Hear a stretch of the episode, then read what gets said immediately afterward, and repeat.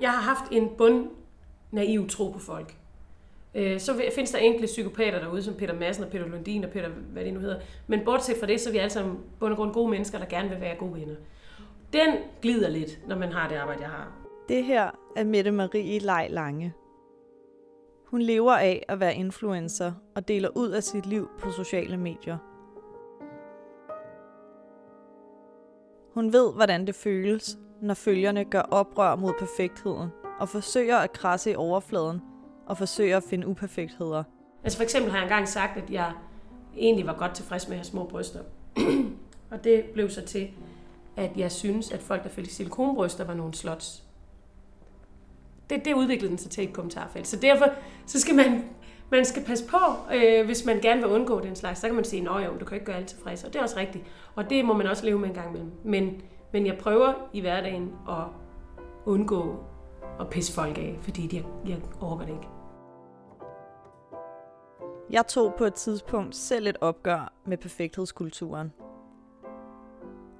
Jeg stoppede med at følge dem, som fik mig til at have det dårligt med mig selv. Dem, som gav mig en følelse af utilstrækkelighed og selvhed. Og det var starten på den rejse, jeg er på i denne podcast om forfængelighedens århundrede. Det er en rejse ind i min, Olivia Fris Urbrands forfængelighed. Men også ind i din, og måske menneskehedens forfængelighed. Måske er det en del af det at være menneske. I disse år er det som om, den bliver forstærket og vokser på de sociale medier, hvor vi jagter likes og anerkendelse, og hvor vi kan se andres perfekte liv udfolde sig.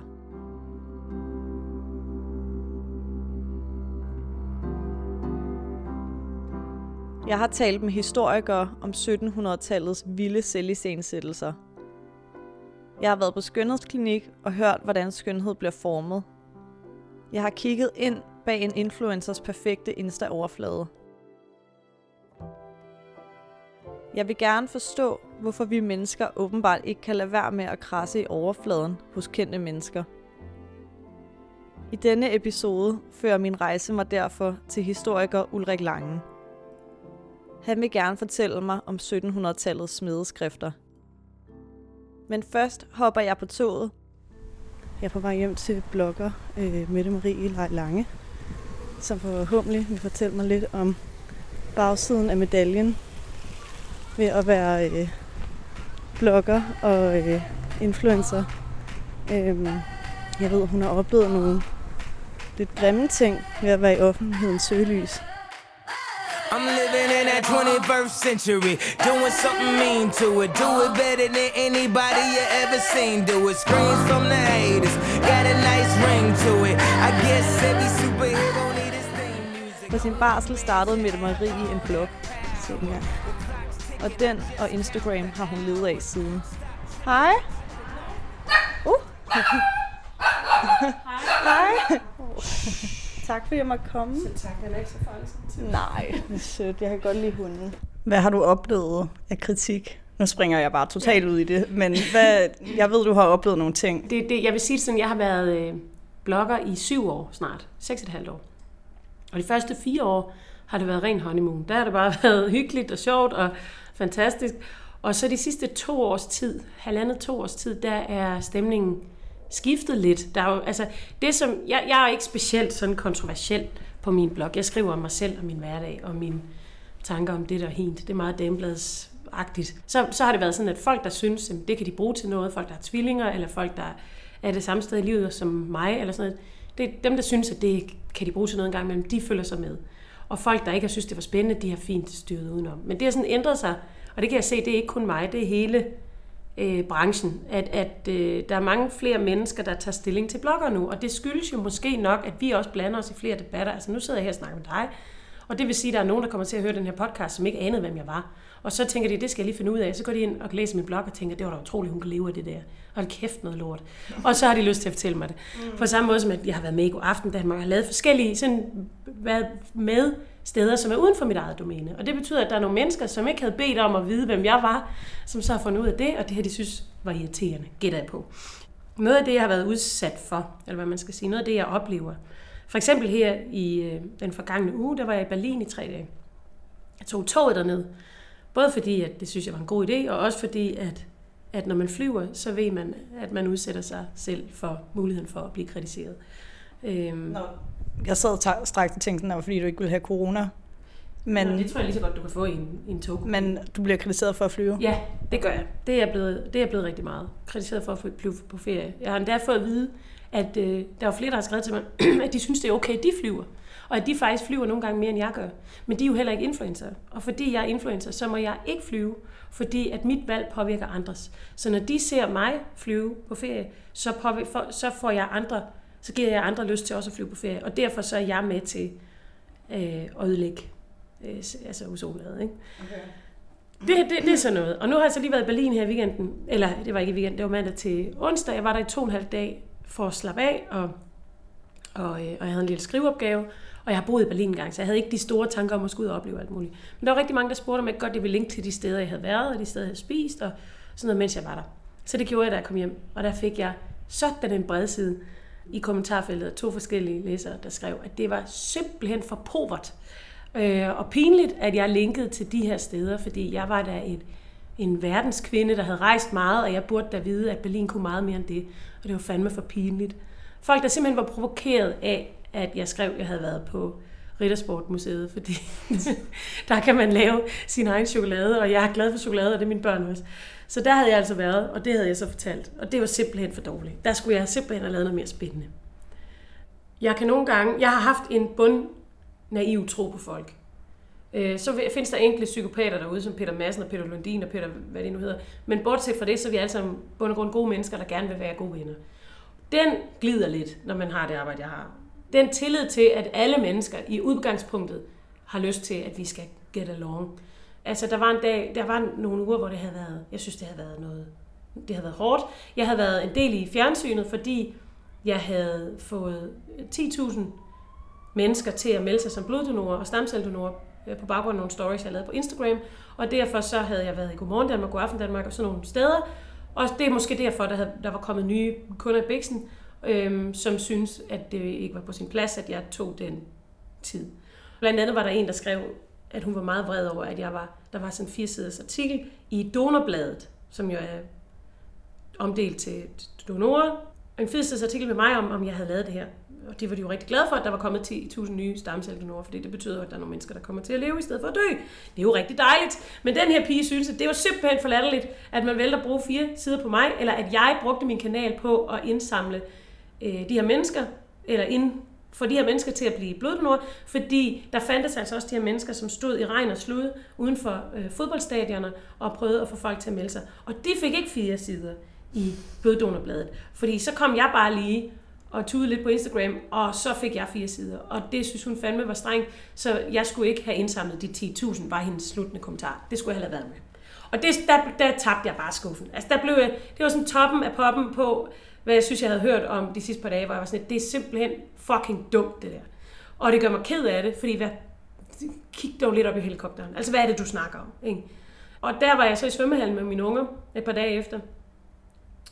Og så øh, var vi inde og bade og kom ud, og så havde jeg hængt min, øh, mit håndklæde sammen med ungernes, og så var mit håndklæde væk. Og jeg tænkte, det var blot håndklæde. Altså, der er nok, øh, du ved, der, det, det er nemt at tage fejl af. Så da vi var færdige med at bade, så siger jeg til ungerne, jeg skal lige låne et af jeres håndklæder, fordi mit håndklæde er blevet væk. Og så siger min datter, er der nogen, der har stjålet dit håndklæde? Så siger jeg, nej, selvfølgelig er der ikke nogen, der har stjålet det, der er vel nogen, der har taget det ved en fejl. Og lige snart jeg sagt det, så tænkte jeg, eller hvad? Altså, jeg, ikke, jeg, det var ikke, fordi jeg tænkte, der var nogen, der vidste, det var mit håndklæde, men jeg tænkte, for du hvad, måske der er nogen, der har glemt et håndklæde, eller synes, jeg havde et pænt håndklæde, og så har de tænkt, det nakker jeg. Fordi der er åbenbart idioter derude. Mange flere, end jeg egentlig troede. Og det synes jeg er rigtig ærgerligt at få den med, ikke? Jeg tænker lidt, at der er forskel på dem, der sidder og kommenterer på dig, mm. og dem, der så slader om dig. Jeg tror jeg ikke, nej. Nej. Det tror jeg sgu ikke, fordi det er meget nemt at lave en falsk profil på Instagram, eller at kommentere under et andet navn på bloggen. Og jeg kan jo se, at dem, der kommenterer, så glemmer de, at de har deltaget i en konkurrence tidligere, og deres IP-adresse er jo noteret inde hos mig. Så i den ene kommentar står der, ej, den der parfume vil jeg bare rigtig gerne vinde til min mor, fordi hun havde fødselsdag i sidste uge. Og i næste kommentar står der, ej, men Marie, du er simpelthen så dum og grim, og hvad laver du? Altså, hvor det er sådan, så det ene opslag hedder de Helle, og det næste opslag hedder de Rikke, ikke? Men, men jeg kan se, at det kommer samme sted fra. Og det, øh, altså, man starter jo med at sige til sig selv, det er jo nogle unge, unge piger, der ikke ved bedre. Men jeg kan jo se, det spænder bredt. Altså, og, og, og det gør det jo. Det er jo, altså, det er jo, der er jo, der er jo brødne kar i alle aldre, og man kan jo ikke selv sige sig fri for det. Jeg slader der også. Jeg gør det bare bag folks ryg. altså, jeg gør det, når jeg sidder og drikker en cola med en veninde, og det vil jeg da opfordre til i øvrigt. Jeg synes, det er noget råd, når det bliver taget ud i offentligheden. Det synes jeg. Men vi kan da ikke sige os fri, de fleste af os. Jeg kan ikke sige mig fri for også at, at, at snakke om andre mennesker bagtal. Har du hørt, at hende der er måske gravid? Og sådan noget. Det, det gør vi jo, det er en del af dem, vi er, og det kan jeg godt forstå. Og jeg vil sige, jeg kan også godt forstå, at der er nogen, der tænker, tager du pis på mig? Kan hende der leve? Er det der? Are you kidding? Jeg knokler røven ud af bukserne for at tjene til huslejen. Og så sidder hun bare og spiser øh, pandekager i arbejdstiden, og, og du ved, får penge for at tage ud og rejse, eller whatever. Det kan jeg godt forstå, at man kan blive jaloux over. Og misundelig over. Det tror jeg også, jeg selv vil være. Så jeg forstår godt følelserne. Jeg synes så bare, at, at man har et ansvar for, hvordan man agerer. Ja. Do it better than anybody you ever seen. Do it screams from the haters. Got a nice ring to it. I guess every superhero need his theme music. No one man should have all that power. Der er nogle ting, jeg skriver meget åbent om. Jeg skriver meget åbent om mig selv og mine følelser og mine tanker. Øhm, og, og jeg har for eksempel fortalt, at min mand og jeg gik i parterapi, fordi vi havde, altså, det besluttede vi før vi fik børn, det ville vi gøre, og det valgte jeg at dele, fordi jeg gerne ville fortælle folk, at det synes jeg egentlig er, kan være en god idé for nogen, inden man får krise.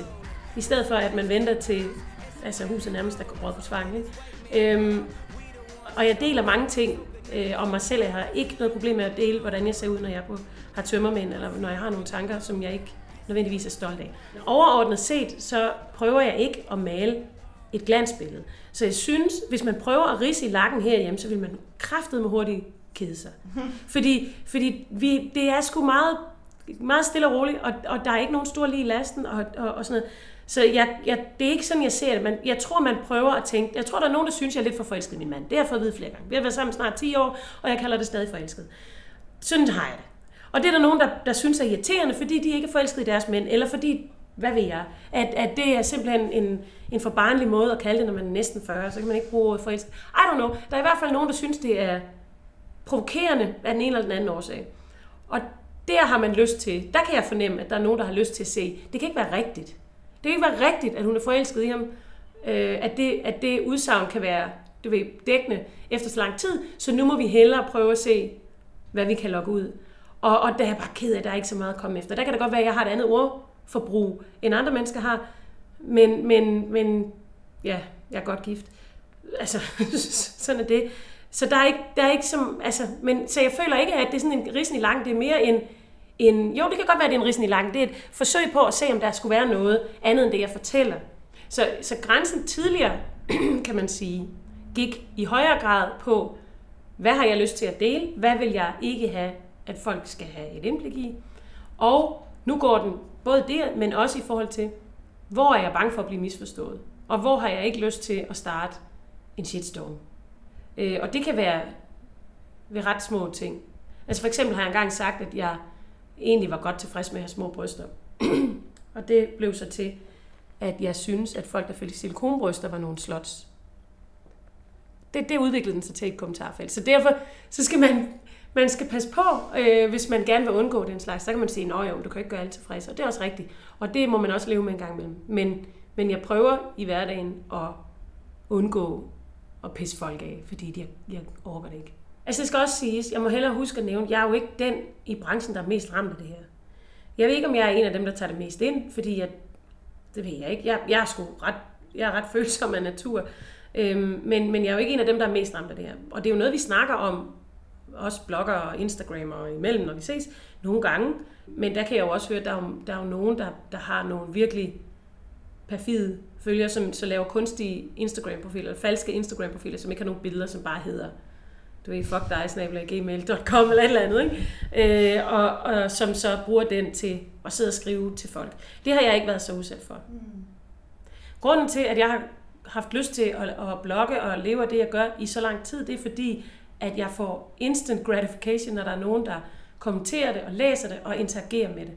Det er fandme en gave, at, at der er mennesker, der har lyst til at tage tid ud af deres øh, hverdag til at interessere sig for, hvad der interesserer mig. Og det er jo selvfølgelig, fordi det forhåbentlig er noget, der interesserer os begge to. Øhm, og det er et privilegium, øh, og det, tager jeg, det kommer jeg aldrig til at tage for givet.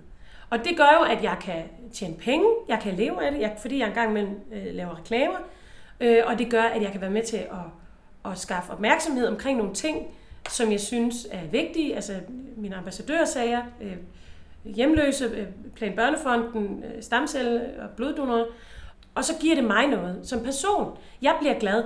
Jeg føler mig øh, set som menneske. Det er jo noget af det, vi alle sammen gerne vil. Jeg, bliver, jeg, jeg føler mig genkendt i nogle af de mennesker, som skriver hos mig, og, og nogle af de ting, jeg deler, er, kan nogle gange være noget, jeg føler, man kan sidde og være lidt alene med. Og så er der andre, der er så søde og byde ind og fortælle, at sådan har de der også med de her ting, eller de har oplevet noget lignende. Øhm, og, og det fællesskab, jeg synes, jeg har, jeg har fået omkring mig i bloggen, og på Instagram jo også, det er så givende for mig, og forhåbentlig også for dem i den anden ende. Og det er jo det, jeg kan mærke hos nogen, der følger med, øh, som synes, at jeg har noget, jeg leverer noget, som de kan bruge til noget. Enten som underholdning, og nogle gange på et andet plan. Og det er jo på det andet plan, der gør mig rigtig glad nogle gange. Jeg kan godt være ærgerlig nogle gange over tonen, fordi jeg synes, den har udviklet sig rigtig meget. Jeg synes, den er noget andet, end den var tidligere. Vi er mindre høflige på internettet.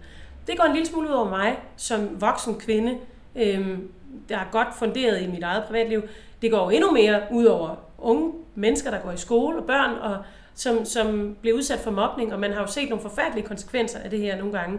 Øh, kan man læse om det i avisen og sådan noget. Det er jo helt forfærdeligt med unge mennesker, der gør skade på sig selv og tager deres eget liv og sådan noget, fordi tonen kan blive så hård på internettet, fordi vi glemmer, at og det lyder, det, det lyder så populært sagt, men vi glemmer, at der sidder et rigtigt menneske på den anden side. Men, men altså, den måde, folk formulerer sig på, vil de sjældent formulere sig på i virkeligheden, som de gør på nettet. Og jeg tror, vi har meget at lære endnu, i og med, at internettet fylder så meget mere. Hele tiden, hver eneste dag, fylder internettet og vores kommunikation på internettet med hinanden. Både offentlige mennesker og ikke offentlige mennesker og, og alle mulige, altså på kryds og tværs, som det så er kundeservice eller det vi ser i fjernsynet, eller det der møder os på Facebook, det fylder mere og mere og mere, og det påvirker den måde, vi går til verden på.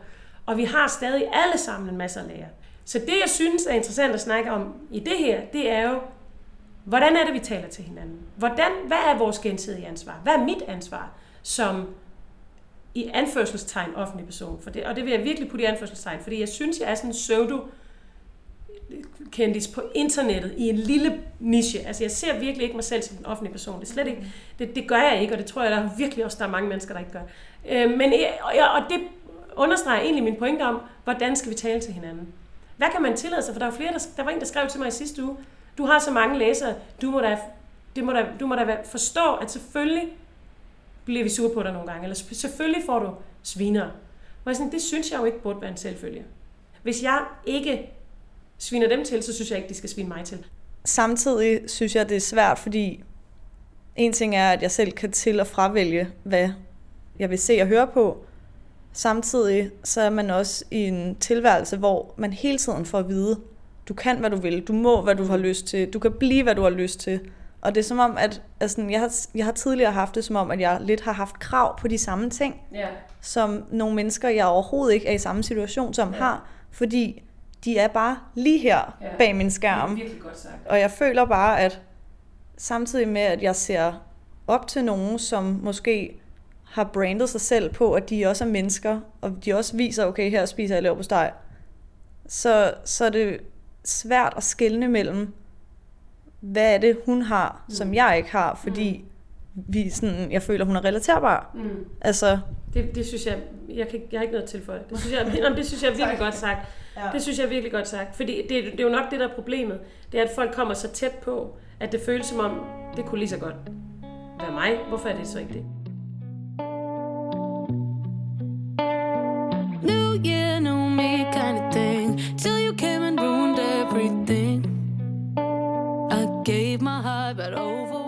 Sladder, bagtagelse, det er ikke noget nyt. Vi har altid sladret. Jeg husker selv sladdersiderne på Facebook, fra da jeg gik i gymnasiet. Det var anonyme sider om de forskellige skoler i området, hvor man kunne sende tips ind om folk. Blev man nævnt på dem, var man en af de populære. For al omtale var god omtale.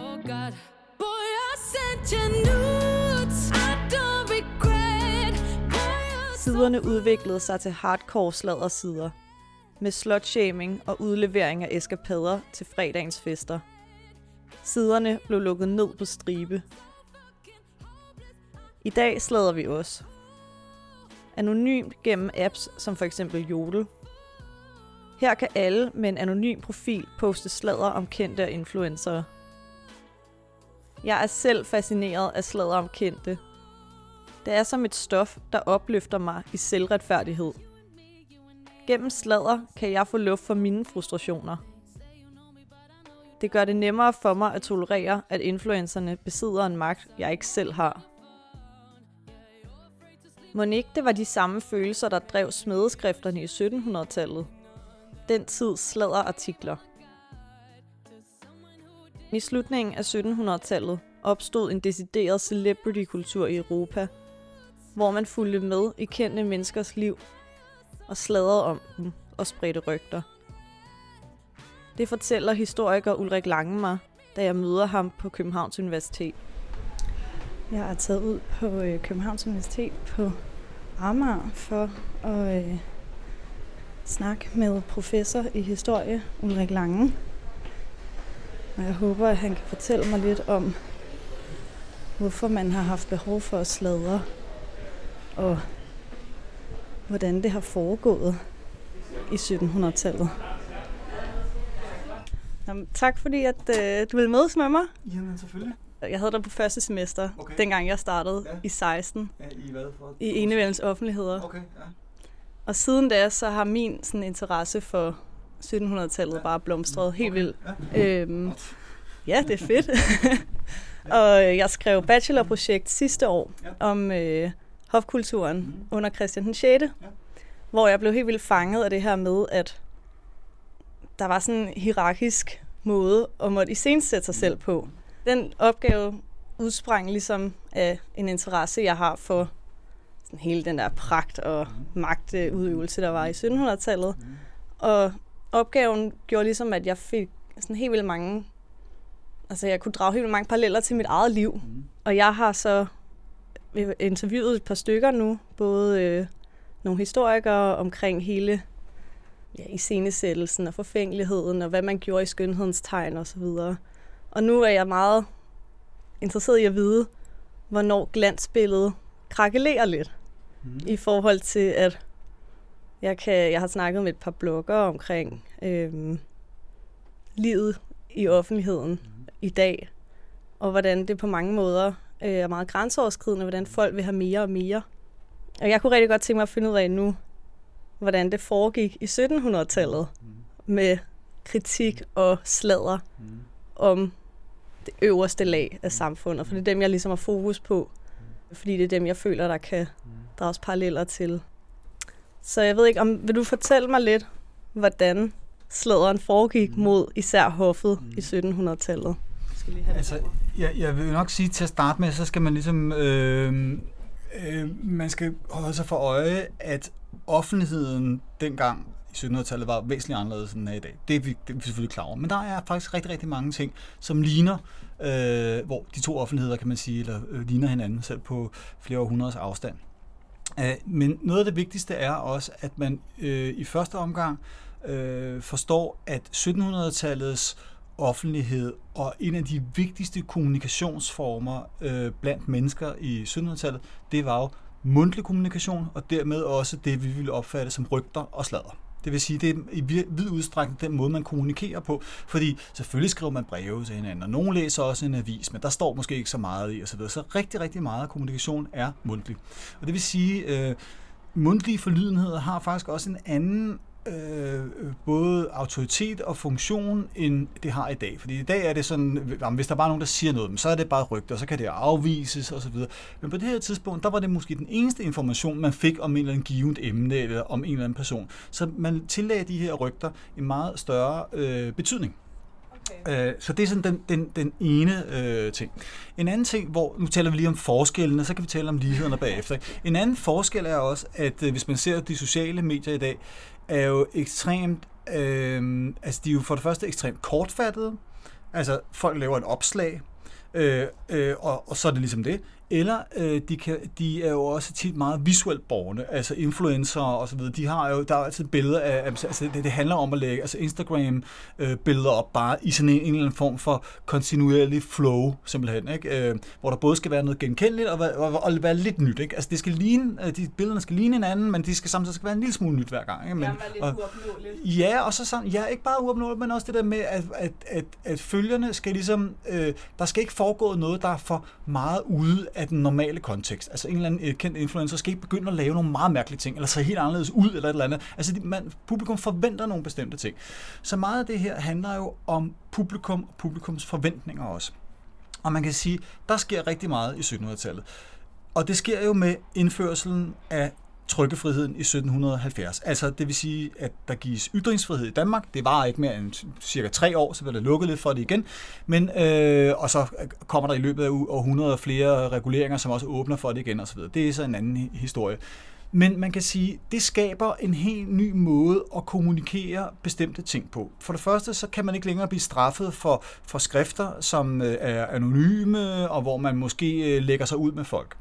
Og det er jo det, man ser især i, øh, i sommeren øh, 1771, at der kommer en lang række skrifter, som er en eller anden form for sådan smedeskrifter, der i forklædning øh, øh, skriver om øh, Strunse og Caroline Mathilde, som hun kaldes en, en liderlig engelsk øh, tæve og så videre, i sådan en eller anden fabel om, om, om en hundhund og, og så videre. Ikke? Og så, er der, altså, så, så det er selvfølgelig pakket ind på noget, men der var ikke nogen på det tidspunkt, der var i tvivl om, hvad det var, det handlede om. Altså, med, hvis vi kigger på dem i dag, er de sådan lidt svære at tyde, men når man så øh, går ned i dem, sådan som, som jeg og flere kolleger har, har gjort, så kan man altså se, hvor, hvor ekstremt voldsomt det faktisk er.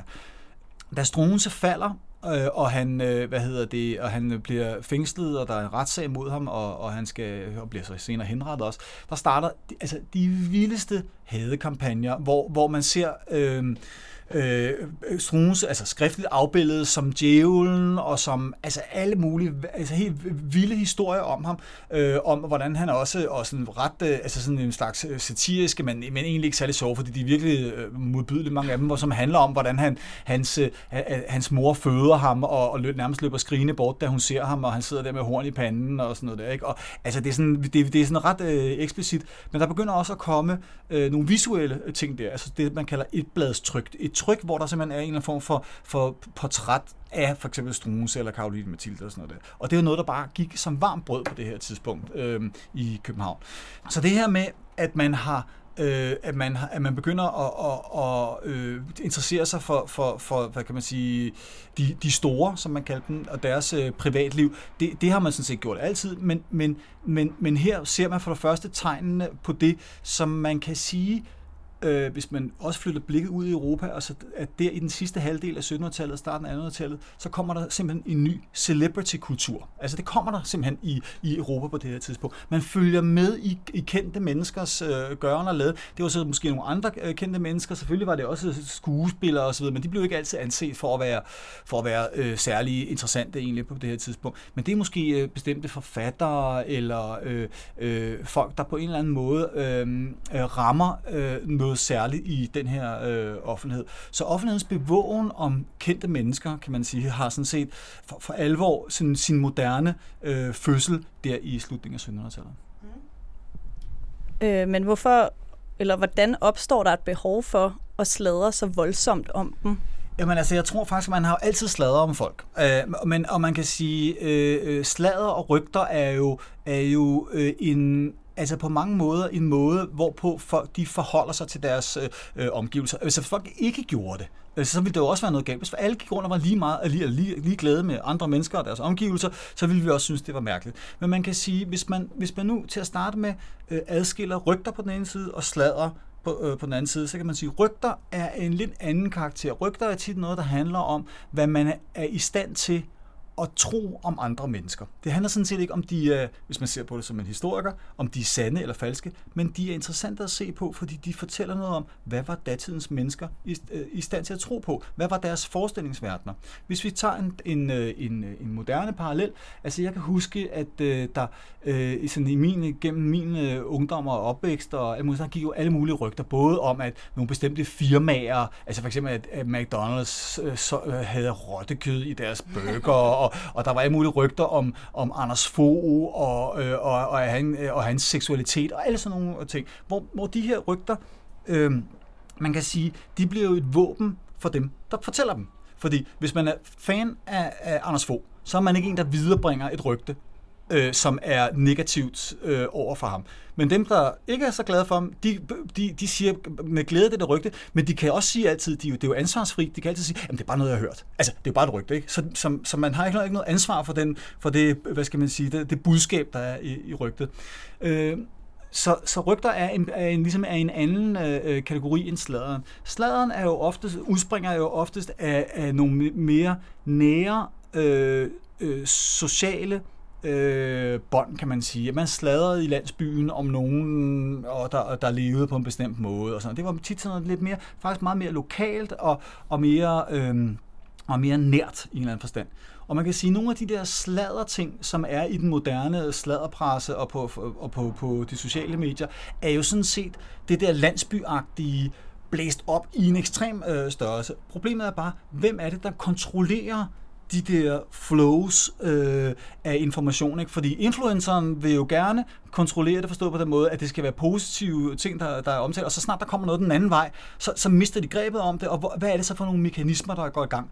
Og der kan man sige, der, der er det altså særligt med nutidens øh, at, øh, hvad skal man sige, mediebillede, at det går meget, meget hurtigt, og, og man kan mobilisere folk også på, øh, på en væsentlig hurtigere måde, end man kunne tidligere. Men ikke det desto mindre, så har man set også gennem tiden, og helt tilbage til 1500-tallets England og, og, og så videre, hvor man har, hvor man kan mobilisere folk med, ikke med sladder og rygter, men ved at folk skriver øh, for eksempel bønskrifter til, til, eller, eller det, man kalder supplikker, hvor man siger, at vi, vi er borgerne i den og den, den by, vi ønsker det og det og det og det. Altså hvor man kan bruge det som en, en politisk øh, mobiliserende øh, øh, faktor. Og på samme måde kan man også sige, det, det, det man ser i dag, det er jo også nogle, når folk ryger ind i en shitstorm, det er jo også en, eller anden, en ekstrem hurtig mobilisering af en, øh, af en, en kampagne for eller imod et eller andet bestemt. New year, new me kind of thing, till you came and ruined everything. I gave my heart, but over what? Was supposed to go like that but up the sheer show went fast No one did it like you Hvordan har, øh, nu tænker jeg hoffet, hvordan har de reageret dengang på sådan nogle kampagner? Jamen altså, de, de var jo, øh, altså dengang, det afhænger præcis af, hvornår i 1700-tallet det er. Men hvis vi nu vender tilbage til, til, til den periode der fra 1770 til 1773, hvor vi havde den her trykkefrihed, der var hoffet meget aktivt bruger af øh, af, af medierne, forstået på den måde, at Struense vendte sig sådan set ikke mod de der stærke angreb mod ham. Jo, altså han, han indskærpede øh, noget om, hvad den her trykkefrihed skulle bruges til osv., da, da, da man synes det var ved at gå for vidt med de der meget sådan, altså seksuelt øh, betonede angreb på ham og dronningen. Men da han faldt, og det nye styre kom til, de anvendte den, de, de, de, nye, de nye muligheder i den nye offentlighed, altså meget, meget, meget bevidst med sådan nogle spinkampagner. De sagde for eksempel øhm, øh, en, en, en, en højt placeret, øh, placeret, højt placeret medlem af den nye regering, øh, sagde for eksempel til de københavnske præster, at nu skal I prædike, næste søndag skal I prædike, og I skal lave en teologisk udlægning af Struense og hans fald.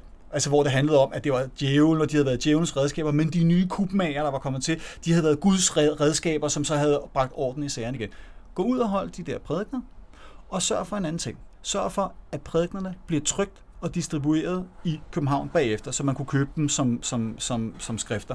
Og de fik, på den måde fik den der tolkning af kuppet mod Struense en enorm udbredelse, fordi regeringen målrettet, altså hoffet på det tidspunkt, målrettet arbejdede på at påvirke offentligheden gennem en regulær spinkampagne, hvor præsterne, de var, hvad kan vi sige, øh, var, var, var øh, øh mediespydspidserne i det der nu, nu snakker om sladder og, og, øh, og, og de der, hvad kan man sige, udfordringer af, af, af, af, af, af offentligheden, det kommer der i, i den der trykkefrihedsperiode, hvor alle mulige lige pludselig kommer til ord, og folk finder også ud af, og det er en meget vigtig ting i det her, hvad vil folk læse? Altså, der opstår et nyt marked. Der opstår et ny efterspørgsel hos nye publikumstyper for, hvad de vil høre. De vil ikke sådan som man troede, at trykkefrihed skulle bruges til, eller ytringsfrihed skulle bruges til, noget opbyggeligt, patriotisk, som gavnede samfundet og så. Nej, det er ikke det, folk vil læse, og heller ikke sikkert det, de vil skrive. De vil hellere læse noget, om, som er satire, og noget, hvor der er nogen, der bliver hængt ud, og, og, og, og altså underholdning, kan man sige, øh, i, i bund og grund. Ikke? Så det er også, fordi der opstår et marked for den type af underholdning, hvor sladder øh, og, og celebrities og hoffer, eller hvad det nu må være, indgår i. Jeg sidder og tænker, i det her anonyme medie, der er i dag, mm-hmm. øhm, der no surprise har folk rigtig travlt med sådan at krasse i overfladen og lave rygter om, at om hende her bloggerens mand er hende utro, og hende her, hun er en dårlig mor, og så videre. Og jeg tror, mange i dag vil sige, at det handler om jantelov. Mm. Altså, at de skal sgu ikke tro, de er noget, fordi de kan sidde på Instagram og tjene mere, end jeg kan om måneden, og så videre. Mm. Men hvorfor havde man dengang brug for at krasse i overfladen hos, nu tænker jeg især sådan noget med Karoline Mathilde? Jo, fordi det var, altså, fordi det var så ekstremt skandaløst på en eller anden måde. Altså det var, altså man kan sige, kongefamilien var jo det mest ophøjede overhovedet. Altså i princippet er kongen i Danmark jo indsat af Gud. Altså vi har jo øh, øh, enevælde i Danmark øh, i 1700-tallet, og øh, i princippet er kongemagten, hvad kan man sige, Guds repræsentation på jorden i en eller anden forstand. Så når en, en dronning øh, begynder at, eller har en affære med en tysk øh, øh, læge, så er det altså noget, som, som er så øh, exceptionelt, at, at alle må tale om det. Også fordi det, det, det, det på mange måder var ret utilsløret. Altså de, de øh, trådte jo frem i offentligheden på, i, til arrangementer i Kongelige Teater og Hofteater og andre steder, altså, hvor, det var, hvor det var ret tydeligt for folk, hvad det var, der, hvad, hvad, hvad der var, var på færre. Og der var mange, der, altså, der, der ligesom det, det, det, man, man, man, man vidste det, men der var selvfølgelig grænser for, hvor meget man havde lyst til at tænke med på det. Men det var der andre, der var helt klar. Altså det, det var de med på at tænke med på, og for de kunne også netop skrive nogle fabler eller et eller andet, som handlede om det, og kunne tjene nogle penge på at sende nogle, øh, noget, noget, altså et, kan man sige, i gåseøjne en eller anden form for sladderblad på, på gaden om det. Så, så, så, så, så, så, det var ikke bare sådan et, et, man kan sige, et psykologisk behov, det var også et eller andet, en, altså noget, der afspejler en eller anden form for, for, for, for sådan kollektiv chok, tror jeg. Altså fordi det, det var rimelig vildt. Ikke? Altså, men til gengæld har der jo været masser af, altså vi, vi har, når vi har kigget på nogle af de her skrifter, kan vi jo se alle mulige månederlige stikpiller til, til noget, der har med nogle øh, københavner, københavner at gøre på i samtiden, hvor vi ikke kan finde ud af, hvem det er, det handler om, men hvor, hvor, hvor man for eksempel en eller anden skriver, nu tager jeg bare sådan et tænkt eksempel, den og den øh, øh, burde øh, øh, nok tænke lidt mere over, hvad ægteskabet egentlig burde være, øh, eller den og den person i, i øh, øh, øh, Storkongensgade burde nok gøre det og det. Altså, der har man i samtidig vidst, hvem det var, det handlede om, og man har måske vidst, at det handlede om en eller anden form for utroskab, eller hvad det må, måtte være. Men, øh, men, men det er ligesom sådan, det, det er måske noget, der afspejler en, den der almindelige sladderkultur, og ikke den der øh, chok-skandale øh, øh, øh, øh, ting, som, som, som det der, der skete i kongehuset, handlede om. Der er nogen, som har været, altså, som har været øh, hvad kan vi sige, ofre for benhårde øh, shitstorme simpelthen. Ikke? Altså der har for eksempel været øh, forfattere, der har øh, der ligesom er kommet i klemme på grund af det øh, skift, der, der var med Struenses fald. Altså blandt andet, øh, fordi, også fordi man jo anså meget af i, for, eller for, i mange kredse anså man trykkefriheden for at være Struenses værk, og det vil sige, man synes jo ligesom, at, at folk var ligesom beskyttet af det her, at det var Struense, der var ved magten, det var hans lov, og så kunne man bruge den. Og der er faktisk et, et eksempel på en, som, som, som skriver sådan lidt håndligt om, om kongehuset, eller sådan meget satirisk om det, og så falder Struense to dage senere, og så kommer der nogle nye magthavere til, som er meget mere, hvad skal man sige, konservative og, øh, og, og bestemt ikke er glad for den slags ting. Og så ved han godt, at nu er nu er, nu er, nu er tingene lige pludselig vendt på en tallerken, og så gør han alt, hvad han kan bagefter for at fremstå som den mest gudfrygtige og mest øh, kongetro og alt muligt og sådan noget, fordi han ved godt, at nu, nu, nu, nu brænder lokummet simpelthen, ikke? Altså, at nu, nu er der nogle andre, der er ved magten, og det han havde sagt tre dage tidligere, eller skrevet tre, tre dage tidligere, det kan man bare ikke sige i den nye situation. Og så gør han, hvad, altså lige pludselig bliver han mere dydig end de dydigste, og, og mere kongetro end de mest kongetro, og så videre, for, for, for, ligesom prøve for at, at, at, at rode bod på de der ting, han havde sagt. Men det havde folk jo læst, så han bliver simpelthen øh, øh, øh, pint og plaget af andre skribenter, der blev ved med at kalde ham en vennekåbe, og, og altså alle mulige ting, hvor de sådan på, på, på, på ret hvad kan man sige, ret grov vis øh, altså sviner ham til for, at han er øh, for, for hans øh, synspunkter. Selvom de selv måske havde ment det samme, men de var bare, ligesom, de havde bare været heldige og ikke nå at skrive noget øh, øh ufordelagtigt, øh, eller, eller i noget, der var, kunne anskues for at være fordel, ufordelagtigt i den nye situation. Så der er en del eksempler på de her folk, der bliver, der bliver udskammet simpelthen i, i, i offentligheden. Jeg ser lidt meget sat på spidsen for mig, at Struense lidt har repræsenteret det, som det her anonyme forum gør i dag, at det er et behov, der er for folk at kunne få luft for deres frustrationer mm. i forhold til, at hvis de går ind og skriver det på en influencers Instagram-post, så bliver det måske slettet, mm. eller øh, det er der ikke nogen, der gider høre på, eller sådan et eller andet, at det, det er jo en, altså det, den her, det her forum har 10.000 anonyme brugere, mm.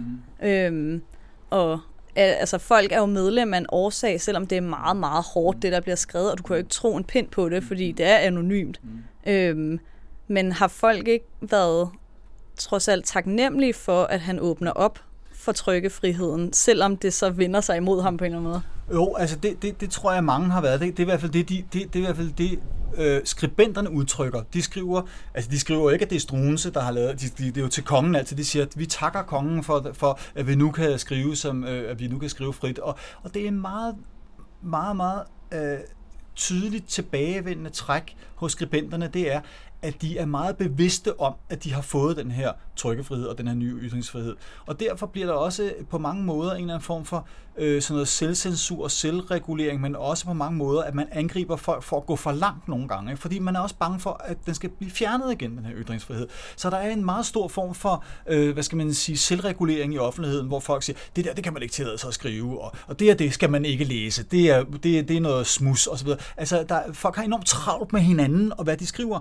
Og, der, og det der også øh, for eksempel øh, kommer frem her, det er også øh, tidsskrifter, som, som anmelder mange af de her øh, øh trykkefrihedsskrifter. Øh, og hvor de har meget, meget travlt med at skrive øh, hele tiden og, og udhænge det ene skrift eller det andet, som, som værende smus og som at være ølstuesnak og alt muligt andet. Ikke? Øh, så, så, så der har været selvfølgelig en meget, øh, en, en, en, jeg tror en stor taknemmelighed for, i hvert fald hos nogen, for, for, for, den her, for den her nye mulighed. Men der er også nogen, der har ment, at det er gået for vidt, og der har noget af det har været for blasfemisk for eksempel, eller et eller andet andet. Ikke? Så man skal ikke glemme, at der er også nogen, der har synes, at det, det var noget, der skabte uorden i tingene. Øh, og man kan sige, jeg, jeg, det er jo meget svært. Der er jo også nogle, hvis man ser på en moderne offentlighed, som du, du taler om, hvor, hvor man, altså, med, med, med, med, med sociale medier og influencer osv., altså, øh, der er jo også nogle, nogle, nogle, sådan nogle masse øh, psykologiske mekanismer på spil på en eller anden måde. Ikke? Altså det der med, at folk bliver grebet af nogle bestemte ting, ikke? altså af nogle bestemte, at, af, at, af, at en influencer eller en eller anden offentlig kendt person kommer med et udsagn, som folk så så, så folk så tager afstand fra og deler, deler, deler, deler, og det pisker en eller anden øh, stemning også øh, op. Men det er jo også på mange måder en meget, øh, jeg vil sige, øh, en meget nem måde at reagere på. Ikke? Altså man kan bare sige, at det er for dårligt, eller man kan øh, øh, sige thumbs up til et bestemt øh, øh, øh udsagn. Ikke? Folk skal jo også, altså, kan jo også godt bare en gang tænke sig om, hvad det er, de gør. Øh, og også de influencer, der stiller op til at være influencer, og alle dem, der vælger at følge. Hvis man er træt af en eller anden, så kan man lade være at følge vedkommende. Ikke? Altså, men det er som om, det er blevet en, en, en, en, en, en hver mediebruger, øh, øh, har en fornemmelse af, at de har en rettighed til at, at, at have en mening om alt og alle osv. Og det har man også en ret til, og man har også en ret til at udtrykke den øh, øh osv. Men, men spørgsmålet er, hvad, hvad ønsker man at bruge den ret til? Hvad ønsker man at bruge sin, øh, sin, sin ret til? Hvis man har lyst til at bruge den til at svine en eller anden influencer til, altså so be it, men, altså, øh, øh, men, men man kan jo ikke forvente så, altså, at, øh, øh, at, altså, at hele verden bliver lavet om for det. Altså, sådan er det jo ikke. Boy,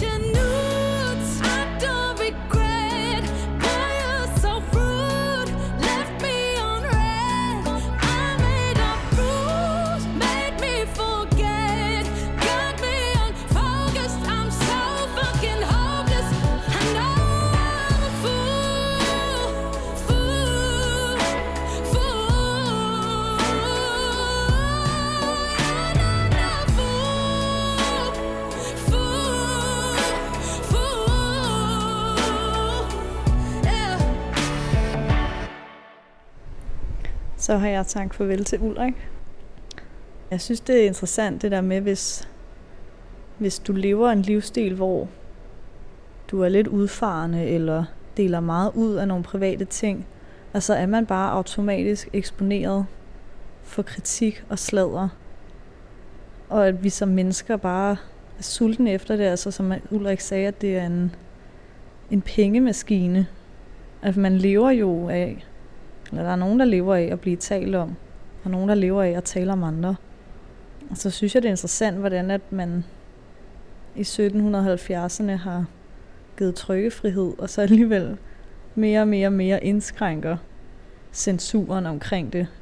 Lidt ligesom jeg føler, der bliver gjort i dag, at Instagram er jo et offentligt medie, men det er brugerne bag, der bestemmer, hvad der får lov at blive af kommentarer og billeder og så videre. Øhm, og det samme på Jodel kunne man se, at, at dem bag, de ligesom har lavet nogle instanser, der gør, at du ikke bare kan sige, hvad du har lyst til på et anonymt medie. At der er nogle regler for, hvad der ligesom er for overstregen at snakke om. Og det... Øh, altså jeg står jeg bliver lidt i tvivl om, om vi som mennesker på nogen måde er blevet klogere. Altså, at vi, jeg, jeg, bliver da selv tiltrukket af en artikel, hvor der står et eller andet skandaløst om en, jeg, jeg kender til. Øhm, men samtidig ved jeg da også godt, hvis det var mig, der blev talt om, så ville jeg da også håbe, at der var nogen, der gik ind og slettede hele lortet for mig. Eller lavede en lov, så der ikke måtte blive talt om mig længere. Men om prisen ligesom for at være et offentligt ansigt bare er, at der bliver talt om dig på nogle måder, du ikke selv bestemmer. Og der sker nogle ting omkring dig, som du ikke selv kan styre. Det hænger bare ikke helt sammen i forhold til, at, at Instagram jo er et medie, du selv bestemmer over. Altså, at det er meget paradoxalt, at du er selv afhængig af, eller du er selv i kontrol over, hvad du lægger dig ud. Du er selv i kontrol over, hvad du sletter. Men du er ikke i kontrol over, hvad der bliver sagt om dig. Så det er øh, interessant, hvad, hvad der bliver af det her sladdermedie nu og fremover, og hvordan det hele det ser ud om, om 10 år, fordi jeg tænker det, at det er blevet værre.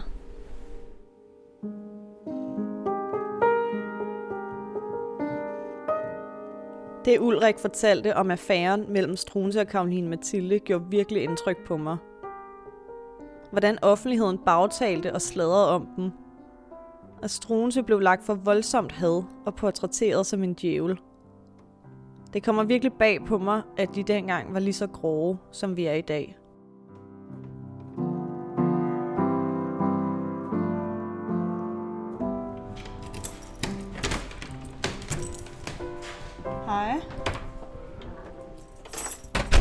Jeg er hjemme igen. Jeg optager. Heldigvis er min kæreste Christian her. Jeg har brug for lige at vende det med ham. Tænk, hvis der var nogen, der var så interesseret i at få mig ned med nakken, at de gik ind i det mest private, jeg har, som er vores forhold, og brugte det imod mig. Altså sådan udbasonerede private detaljer om altså øh, sex og altså en private ting og brugt det, ikke? Jo, altså man kan jo sammenligne det meget med sådan inden for de sidste mange år har der jo tit i den politiske verden været situationer, hvor folk altså, får et problem eller en shitstorm på grund af noget, deres ægtefælder gør, enten hvordan de er ansat, eller et eller andet sted, de er ansat, gør et eller andet, som er dårligt i, Ja. øh, i politiske modstanderens øjne. Ja. Og det er jo meget det samme, det der med, at man angriber ægtefælden for at ramme den person, der er den offentlige person af de to, ikke? Ja. Men også det er sådan noget som altså ens privatliv og ens sexliv og sådan noget, det er jo nok det allermest forfængelige ved en, de går ind og rammer, ikke? Jo. Altså det er jo sådan noget, det er jo så privat, at når det så bliver udbasoneret på en så offentlig måde, kan jeg bare forestille mig, at det er der, det virkelig gør ondt. Og der man virkelig kan ramme folk på deres allermest sårbare, ikke? Jo, men jeg tænker så også lige med, altså i eksemplet med Struens og Karoline Mathilde, var det jo også fordi, det var lidt, altså uhørt, det de lavede Ja. med hinanden også. Altså ikke nødvendigvis ja. selve sexen, men altså bare det, at de havde det, Ja. øh, var jo altså noget, der var shitstorm værdigt, eller hvad Ja. man skal sige. Så på den måde var de jo heller ikke, altså det var ikke sådan, at de havde et fuldkommen normalt forhold, Nej. og det så blev brugt imod dem. Nej, det var nej. jo noget, der godt kunne kritiseres. Men jeg synes bare, det, altså det er noget, alle jo, nok langt størstedelen af mennesker kan relatere til, er det mest sårbare. Det er samtidig også det, vi elsker at høre om, ikke? Jo, Altså, sådan, medierne ved jo godt, hvad der tiltrækker, men jeg tror, når, hvis ikke du har stået i en situation, hvor det er ens selv, der bliver udleveret, så er det svært at lukke for kilden på en eller anden måde, fordi hvis alle i Danmark var uden for sådan en shitstorm, eller den Struense var ude for, så er jeg ikke sikker på, at man ville være lige så strid mod hinanden i medierne, hvis man havde prøvet det på egen krop, ikke? Nej, du har ret i, altså det er jo øh, i situationstegn harmløst, så længe man ikke selv ved, hvor ondt det kan gøre på en. Og Ja. altså, men også tit det der med, at man ikke er ansigt til ansigt med den, det, der bliver altså shitstormet. Ja. Og sådan var det jo både i dag, men også i 1700-tallet. Altså de mennesker, der altså, talte og skrev grimt om øh, Struense for eksempel, mødte ham jo heller ikke op på Christiansborg Nej. Slot. Altså de skulle heller ikke Nej, se ham det. øje til øje. Så på den måde er shitstorm i 1700-tallet og i dag jo meget ens. Altså det Ja. er de samme ting, der driver det på en eller anden måde. Ja, og altså selv sådan noget som shitstorms på sociale medier, hvor jeg tror, mange har opfattelsen af, at du er lidt tættere på den, du følger, fordi det ligesom er deres verden, man bliver lukket ind i. Øhm, så er der så også bare meget mere at gå efter, og mange flere platforme og måder at gå efter folk på. Ikke? At der var ikke nogen ude i København i 1700-tallet, der bare kunne gå hen til Struens og sige, fuck dig, du er nederen. Nej. Men i dag vil man kunne skrive det til ham direkte på Instagram, uden at det rammer dig, fordi han ved ikke, hvem du er.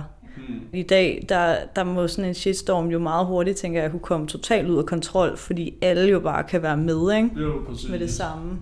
Ja, så det er jo både den samme måde, men så er der også begrænsninger, ikke? Også fordi dengang var det jo trygt medie, så hvis der var nogen, der ville kontrollere det, kunne de bare stoppe trykpressen, Ja, ikke? Ja, ja. der bliver det ligesom genereret på mange forskellige måder, Ja, som jo så er med til det, du siger med at gøre det svært at kontrollere. ja og, og det, altså, selvom vores platforme er meget i vores egne hænder og meget i ens egen kontrol, så går det så stærkt, at så snart at det ikke er på din egen platform, eller din egen profil, så kan det jo gå totalt ud af kontrol, ikke?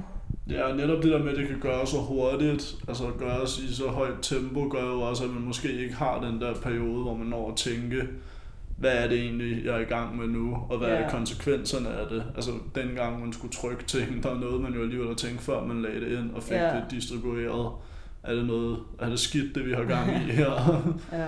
at man så ikke altid har synes det, fordi shitstormen også eksisterede dengang, er jo så noget andet. Mhm. Mm. Altså, men, men der var måske lige den der længere tid, hvor man kunne, kunne trække i land, end der er i dag.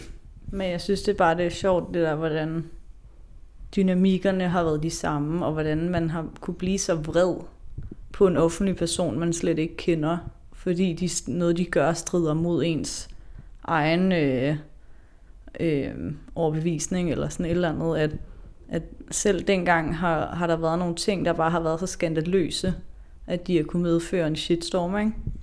Ja, og igen, hvis man tager udgangspunkt i det der med stolen, så er det jo meget sjovt, det der med, at dem, der ender med at hade ham, er dem, han allerhelst vil hjælpe. Ikke? Så de, selv der, hvor at man, man har lyst til at sige, at jeg gør kun gode ting for jer, så er det dem, der er med til at, at bringe ens fald altså, Ja. med sig, ikke? fordi Ja. at, de, at du så gør noget, som for dem er utilgiveligt. Ikke? Ja. Man kan godt høre, at vi er to historikere. Ja, måske lidt, lidt indspist. Det var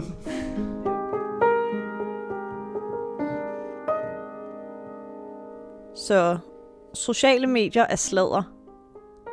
Det er perfekt iscenesatte fotos af mennesker. Opereret til at opfylde vores umulige krav til ansigt og krop. Det er dårligt selvværd hos følgerne. Det er det, jeg har opdaget på min rejse ind i menneskets forfængelighed. Men der må da også være gode ting. Noget godt, vi kan bruge de sociale medier til. og al den energi, vi lægger i dem. I næste episode besøger jeg en ungdomsforsker, for det er jeg nødt til at undersøge. Det kan ikke slutte her.